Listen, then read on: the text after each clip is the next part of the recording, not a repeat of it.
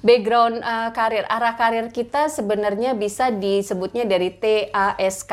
TASK itu T-nya adalah bisa dari talent kita, dari bakat, bisa juga dari attitude kita, hmm. bisa juga dari skill, misalnya skill dari kita berbicara, skill di IT gitu ya, hmm. atau bisa juga dari knowledge hmm. gitu, dari knowledge dari ilmu pengetahuan D3, S1, S2 dan lain-lain. Hmm. Tinggal kita padu padankan kalau memang kita nggak bisa di knowledge-nya karena kita nggak kuliah ya kita perbanyak skillnya. Skill itu kan bisa nggak harus bekerja di kantor ya, berkarir hmm. misalnya sebagai entertainment, di entertain dan misalnya dia jago main gitar itu kan bagian hmm. dari skill gitu atau hmm. misalnya attitude-nya uh, misalnya saya nggak punya skill knowledge juga nggak punya oh mungkin attitude-nya attitude-nya mungkin dia senang melayani gitu hmm. itu juga bagian dari karir sih Smart FM Smart Smart Career Small listeners, pernah nggak sih Anda itu bingung dalam menentukan arah karir? Ini kebanyakan para fresh graduate gitu ya, udah lulus terus bingung aduh lulusan ini enaknya berkarir di mana ya begitu mm-hmm. ya kita bahas dalam Smart Career bersama dengan Teh Mia Merin. Halo Teh Mia. Halo Mbak Maria apa kabar? Ketemu lagi. Ketemu lagi di podcast Smart Career seperti biasa kita akan ngupas tuntas mengenai karir begitu yeah. ya Teh Mia. Mm-hmm. Apalagi uh, sekarang kan kayak musim-musim para fresh graduate lulus gitu terus yeah. bingung nih mm-hmm. aduh habis lulus mau bekerja di apa sih atau yeah. mau karir di mana sih nah mm-hmm. Ada baiknya sih sebenarnya kita menentukan karir itu pas kita udah lulus atau jauh-jauh hari ini sebelum lulus kita udah, okay. udah harus menentukan menentukan karir sebenarnya dari zaman sekolah itu udah bisa Sekolah gitu. SMA berarti atau kuliah? Saya contohkan misalnya anak saya. Hmm. Saya contohkan anak saya SMP itu ternyata sudah punya karir dan sudah bisa menghasilkan uang sendiri. Okay. Dari mana? Karena karir itu startnya bisa dari informal dan juga dari formal. Hmm. Kalau informal pastinya sudah bisa dimulai dari waktu sekolah ya. Hmm. Kalau info kalau formal pastinya setelah lulus kuliah gitu. Hmm. Kalau bicara informal bisa dari prestasi, bisa dari seni, hmm. bisa dari hobi hmm. gitu. Jadi kalau misalnya berkarir arahnya mau mau dari mana? Nah, itu kita bisa tentukan kita mau dari informal atau formal. Hmm. Kalau memang informal kita bisa uh, lakukan saya pernah waktu itu sharing juga di podcast Smart Career bahwa hmm. kekuatan dari karir itu ada tiga O gitu ya. Yes. Pertama adalah otak, kedua hmm. otot, ketiga orang hmm. gitu. Nah, kalau karirnya yang informal bisa jadi ototnya itu kita sudah asah terus menerus hmm. gitu.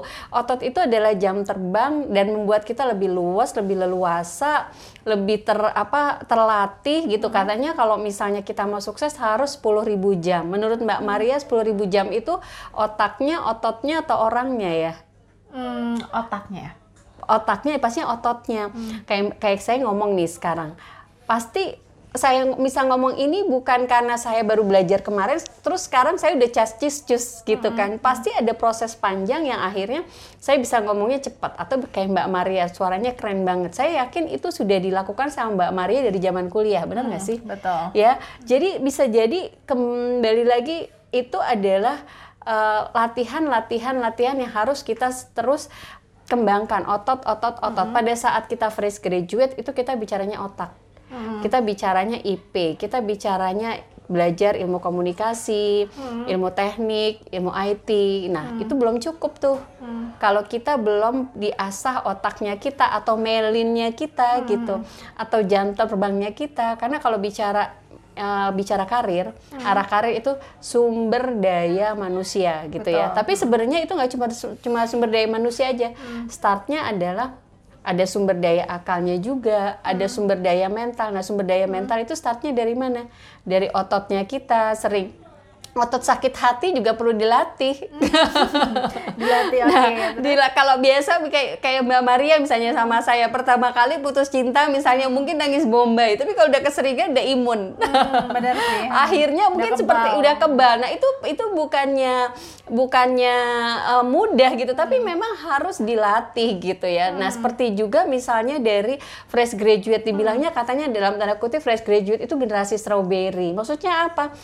Bentuknya bagus sih hmm. keren strawberry merah ranum tapi pas dia dipegang tuh lembek hmm. gitu ya pas diuji pas diterima hmm. bekerja kok gampang baperan gitu hmm. karena bisa jadi ototnya itu kurang terasah hmm. ibaratnya tuh kalau misalnya pohon nih ya kita mau jadi rumput atau mau jadi hmm. pohon kelapa kalau cuma mau jadi rumput ya udah diinjek-injek aja tapi pohon kelapa akarnya kuat semakin tinggi semakin banyak cobaannya hmm. tapi nggak masalah iya nggak sih Bener. Mbak Maria dan si pohon kelapa itu juga kan bisa setinggi itu juga pasti ada proses bertumbuh. Makanya hmm. kalau berkarir itu bagaimana kita bisa mengembangkan diri kita untuk terus bertumbuh. Hmm. Jadi kalaupun misalnya dimarahin orang itu sebenarnya satu kekuatan kita yang kita jadi bisa bertumbuh gitu. Hmm. Saya misalnya uh, bisa seperti ini itu bukan karena tiba-tiba saya bisa ngomong karena bisa jadi saya pernah dimarahin orang, saya pernah hmm. misalnya dikecilkan orang, saya pernah dibully, tapi itu proses-proses itu akhirnya membentuk kita seperti ini hmm, gitu. Yes, terbentur hmm. dan terbentuk ya. Iya, terbentuk dan terbentuk hmm. dan atau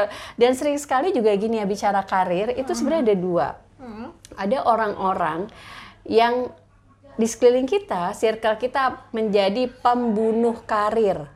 Okay. Nah, maksudnya itu maksudnya apa, apa? Ada juga di sekitar kita penumbuh karir. Jadi beda ya pembunuh, pembunuh sama pembunuh. Penumbuh, penumbuh gitu baiknya kita dekat sama siapa ya gitu. Hmm. Pastikan dekatnya dengan penumbuh, penumbuh karir, karir gitu.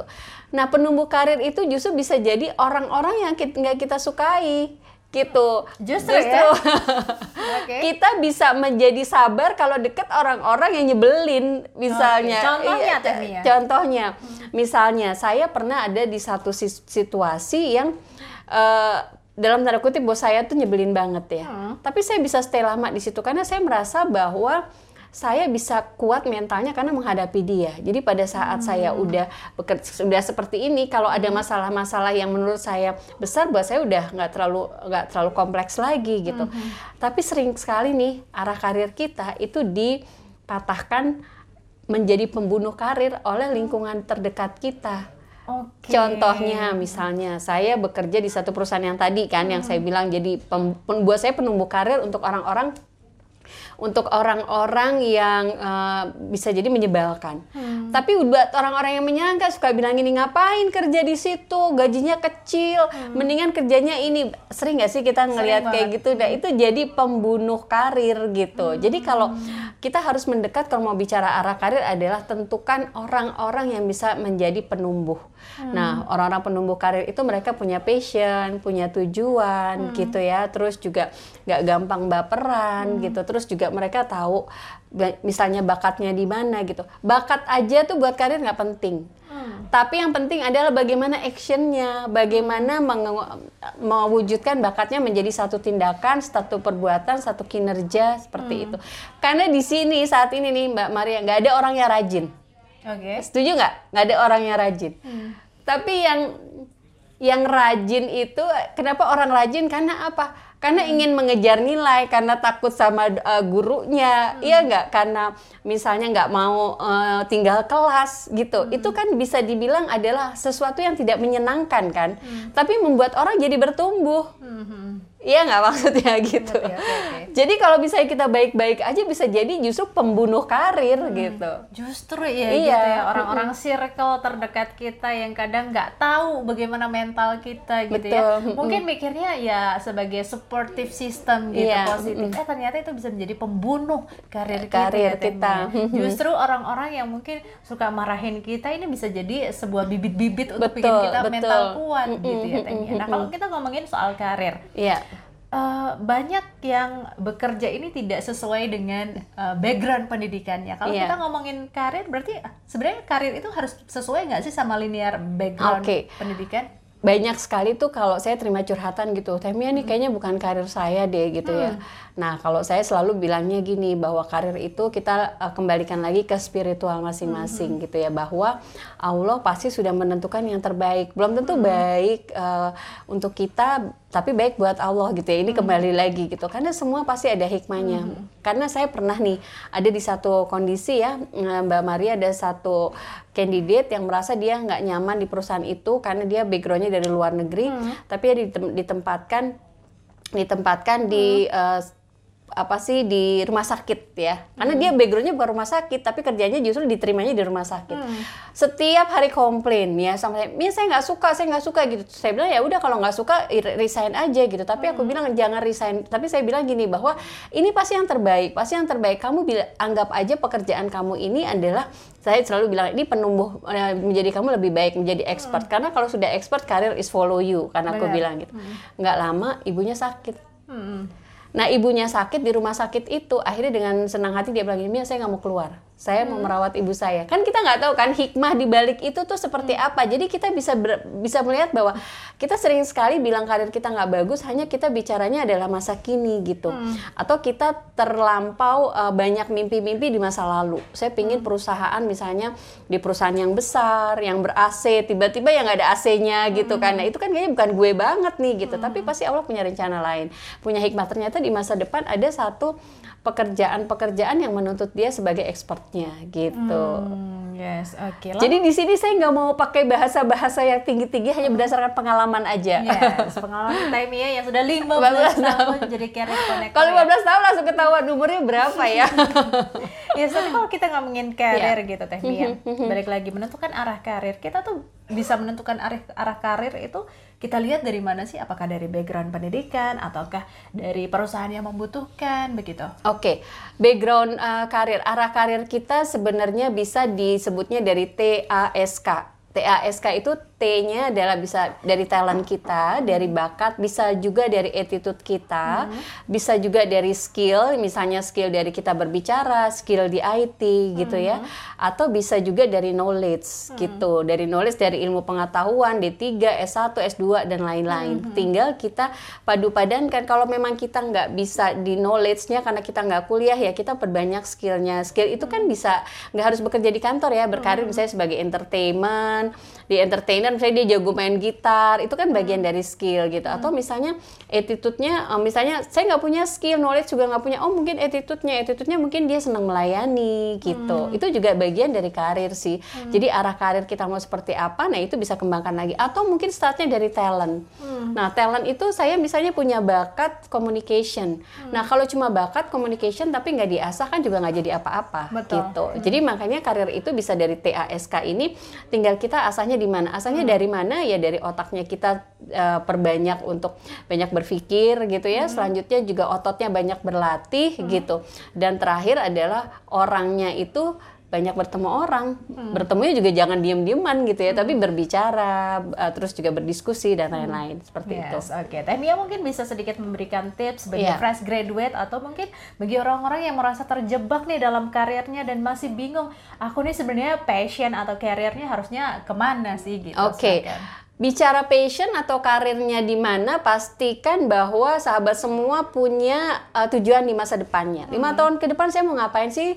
Uh, itu lebih menguatkan kita. Kalau saya waktu itu nih Mbak Maria, saya punya pengalaman waktu saya saya backgroundnya awalnya sekretaris, setelah itu saya banyak menekuni ilmu di HR gitu. Saya punya pengalaman bahwa sebelum umur saya 40 tahun, saya pengen punya perusahaan sendiri Wow, gitu. oke. Jadi seperti itu tujuan hidup saya sehingga pada saat ada masalah-masalah di kantor, saya merasa ini adalah modal saya pada saat saya mau punya perusahaan. Gitu. Jadi saya bicaranya adalah uh, jangka panjang. Begitu juga sahabat semuanya, kalau memang punya uh, uh, goals jangka panjang pastikan yang saat ini karirnya adalah proses pembelajaran. Karena bicara pembelajaran itu banyak hal-hal yang tidak mengenakan buat kita. Justru itu menumbuhkan karir kita gitu. Kayak misalnya saya bisa seperti ini bukan berarti uh, karena sayanya gitu ya tapi mungkin keadaan yang membuat saya seperti ini begitu juga sahabat semua smart listener bukan berarti karir saya kamu nggak nyaman seperti ini justru itu bisa menumbuhkan karir smart listener semuanya gitu Yes, oke. Semoga bermanfaat smart listeners untuk Anda yang saat ini mungkin masih bingung karirnya mau ke mana gitu ya. Tonton podcast ini dan juga semoga ini membantu Anda menentukan arah karir Anda. Thank you Teh Mia Terima kasih, Kita akan Mbak berjumpa Maria. di podcast Smart Career selanjutnya. Smart FM. Smart Career. Make your future better.